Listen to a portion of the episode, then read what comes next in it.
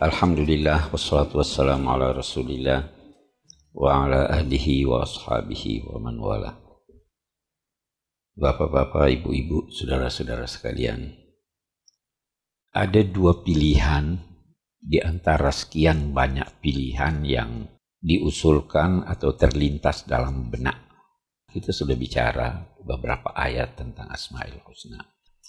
Eh, ada juga yang mengusulkan kita bicara tentang waktu. Akhirnya eh, malam ini saya akan gabung keduanya. Itu begini. Nah, dalam soal waktu, kita kan ada proses nih. Usia kita kan eh, bertingkat-tingkat, ya toh? Kita mengalami waktu. Allah menciptakan waktu buat kita. Dan waktu itu relatif. Sangat relatif. Al-Quran juga menggambarkan waktu itu relatif. Kita bisa rasakan itu.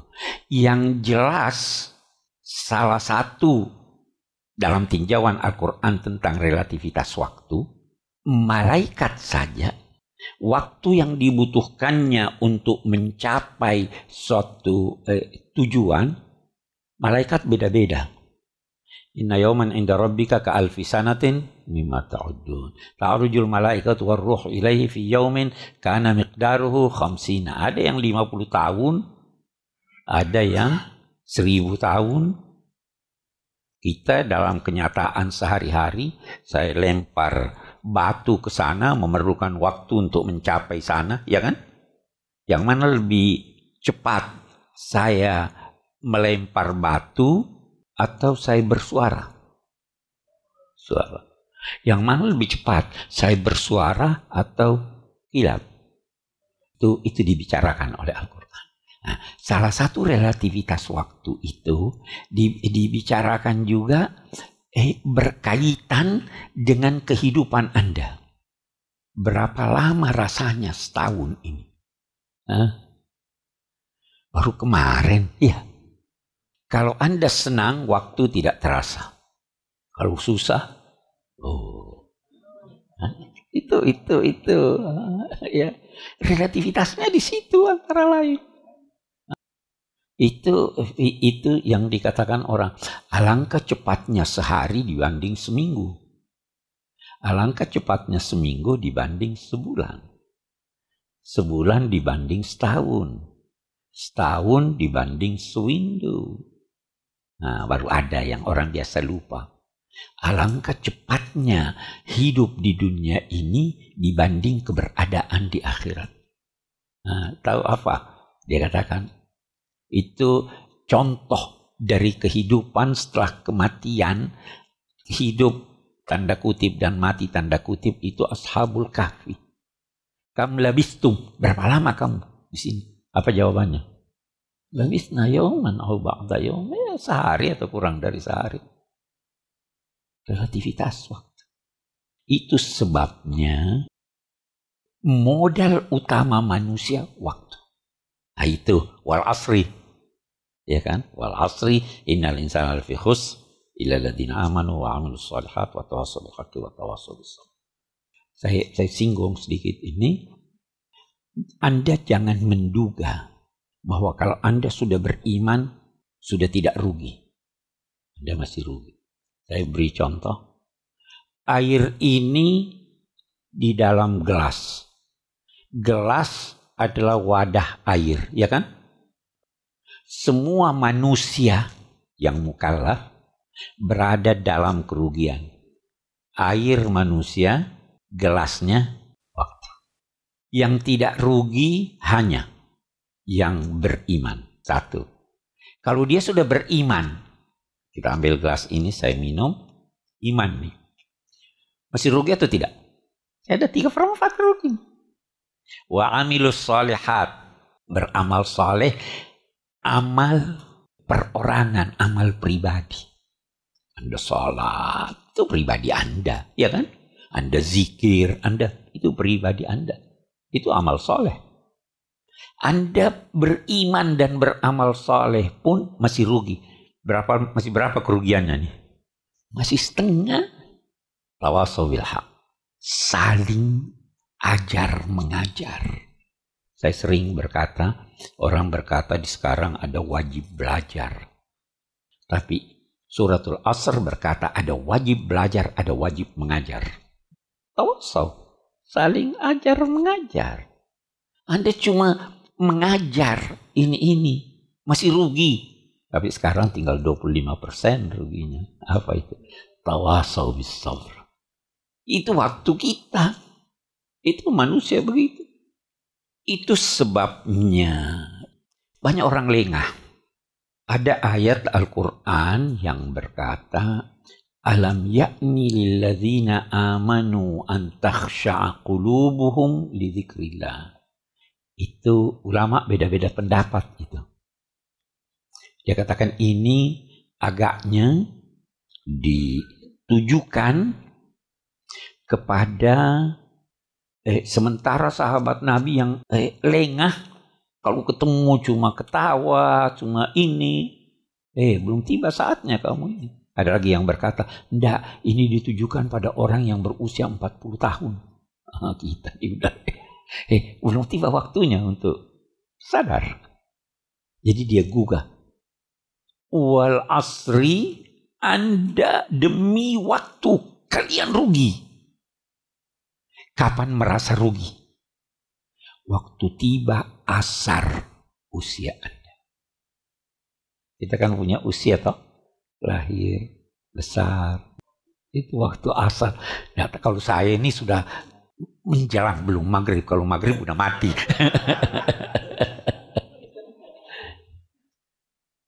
Dan sekarang betapapun suksesnya satu orang, dia pada usia tuanya pasti menyesal. Itu di akhirat lebih menyesal lagi. Dikatakan dalam dalam riwayat kamu akan menyesal. Kenapa tidak ucapkan subhanallah walau sekali? Semua menyesal. Ya sekarang kita ini, ini anak-anak muda nih ya, ya bakal nyesel. Pasti nyesel. Sesukses apa pun orang, kalau dia sadar, dia sebenarnya dulu kalau saya begini, bisa begitu. Itu waktu. Ini yang diingatkan Allah itu tadi sebabnya dibagi-bagi waktu manusia kan.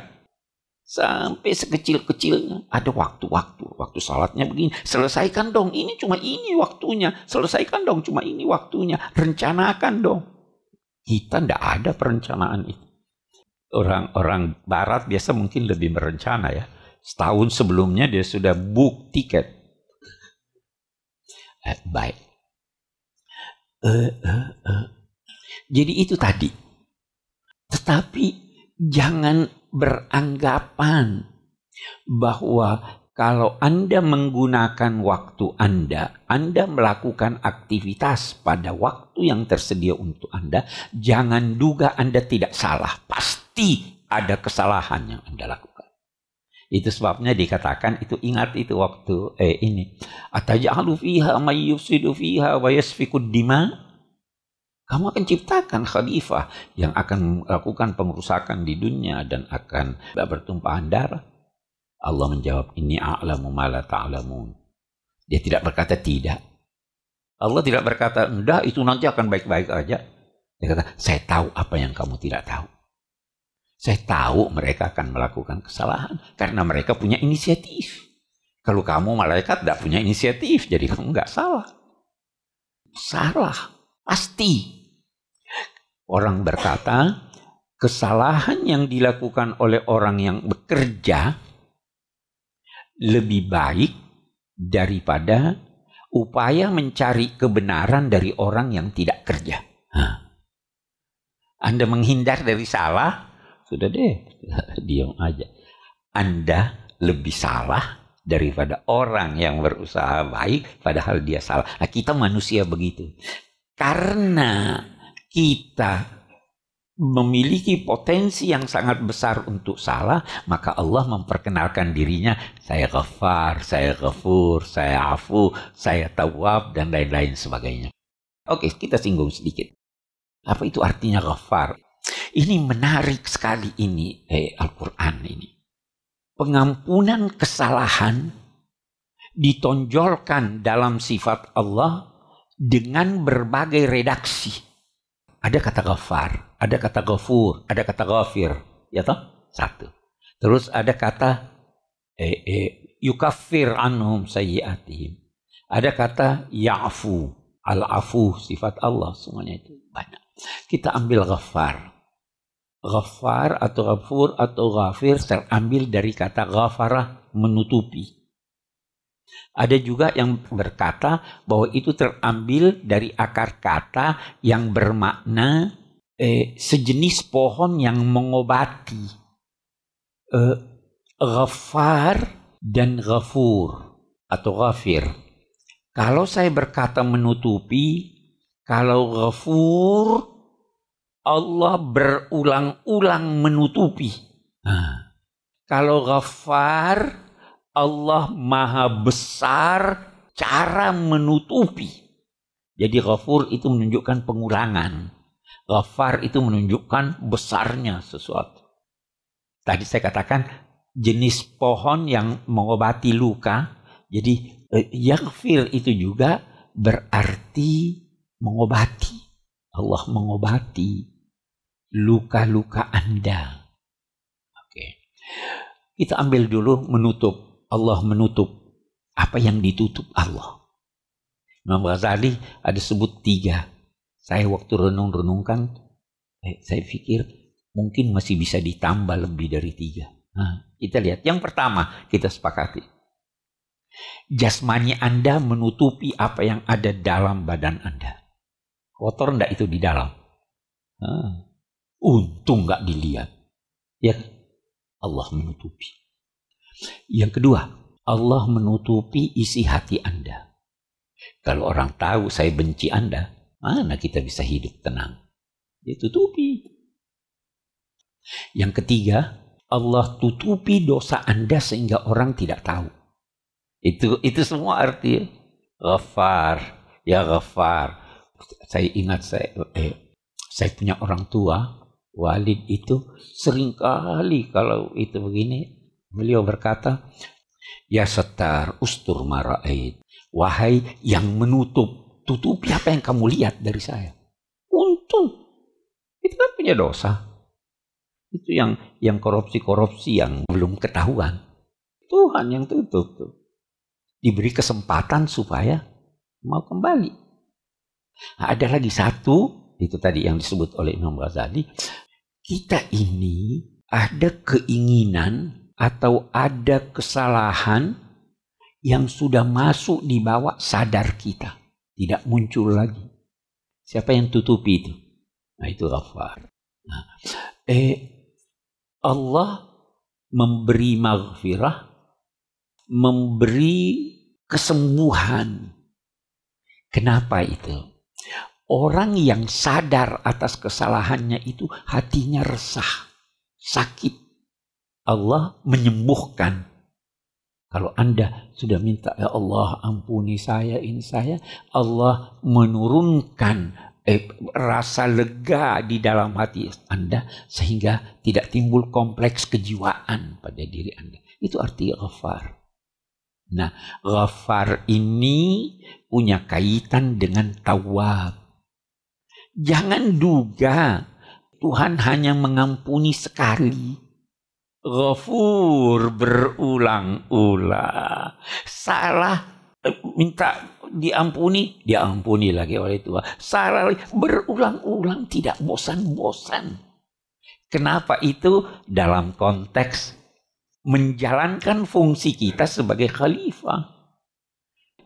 Banyak orang yang keliru beranggapan bahwa kita ini diciptakan Allah untuk beribadah. Tidak. Bukan itu targetnya. Targetnya itu kita diciptakan untuk menjadi khalifah. Tetapi dalam konteks kekhalifahan itu, jadikanlah eh, kekhalifahan Anda itu sebagai pengabdian kepada Allah. Karena kalau kita berkata eh, ibadah, terus ada orang berkata begini, udahlah eh, eh, salat aja, ibadah kan? Anda diciptakan untuk menjadi khalifah. Khalifah membangun istamarakum fiha, memakmurkan bumi ini. Dan kalau Anda mau membangun, pasti Anda salah. Sekali, dua kali, tiga kali. Jadi ketika mereka bertumpahan darah, mereka berbuat dosa, itu wajar. Nah, karena wajar, maka Allah menonjolkan sifat ghafar, tawab, ini, ini, ini. Supaya kalaupun Anda salah, cukup menyesal, minta ya Allah ampuni saya, hilang kesalahan. Dulu itu sebabnya saya katakan, eh, itu sebabnya eh, bukan malaikat yang disuruh jadi khalifah di bumi. Malaikat tidak punya inisiatif kok. Itu kayak, kayak komputer sudah diprogram ya. Tidak, kamu jadi khalifah. Bangun dunia ini. Nah, pasti salah. Jangan takut salah. Yang penting Anda sadar, minta itu sebabnya ada ghafar, ada taba, ada ini. Saya kira itu. Eh, eh, satu lagi untuk ibu-ibu, saya mau bilang bahwa begini. Salah satu eh, implikasi dari doa Allahumma gfir itu menutupi yang jelek pada diri Anda. Mau ke pesta, bajunya kotor, bajunya jelek, tidak cocok. Tidak semua orang lihat itu. Iya. Perasaan Anda aja bahwa semua mata tertuju kepadanya. Benar gak itu? Ah, Allahumma gfir, ya Allah, tutupi ini biar jangan ada yang lihat. Tidak usah pakai ini nutup-nutupi.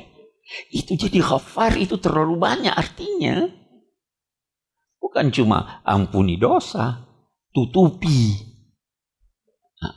Nanti ada bedanya ghafur dengan afu. Ghafar itu menutupi, afu itu menghapus. Nah, coba sih lihat nih. Ini ada kertas catatan saya. Saya tutupi dengan buku. Kelihatan enggak? Enggak kelihatan. Masih ada enggak? Nah, itu. Dosanya masih ada tapi Tuhan tutupi, orang enggak tahu. Jadi bisa jadi dia tutupi di dunia sehingga orang tidak tahu. Bisa juga dia tutupi di akhirat hanya Anda dengan Tuhan yang tahu. Hah? Itu ghafar. Tapi masih ada itu dosa. Kalau afu menghapus. Tidak ada lagi. Ada yang lebih tinggi. Imam Ghazali berkata, ya, afu itu lebih tinggi anugerahnya daripada ghafur. Karena ini masih ada. Kalau afu sudah dihapus, datang lagi orang lain berkata, ada yang lebih tinggi dari afu. Apa itu? As-safh. Fasfahis safhal jamil. As-safh itu buka lembaran baru. Kalau dihapus, kertas lihat dihapus, masih ada bekas-bekasnya. Tapi kalau buka lembaran baru udah. Itu saya kira baiklah kita cukupkan. Oke. Okay.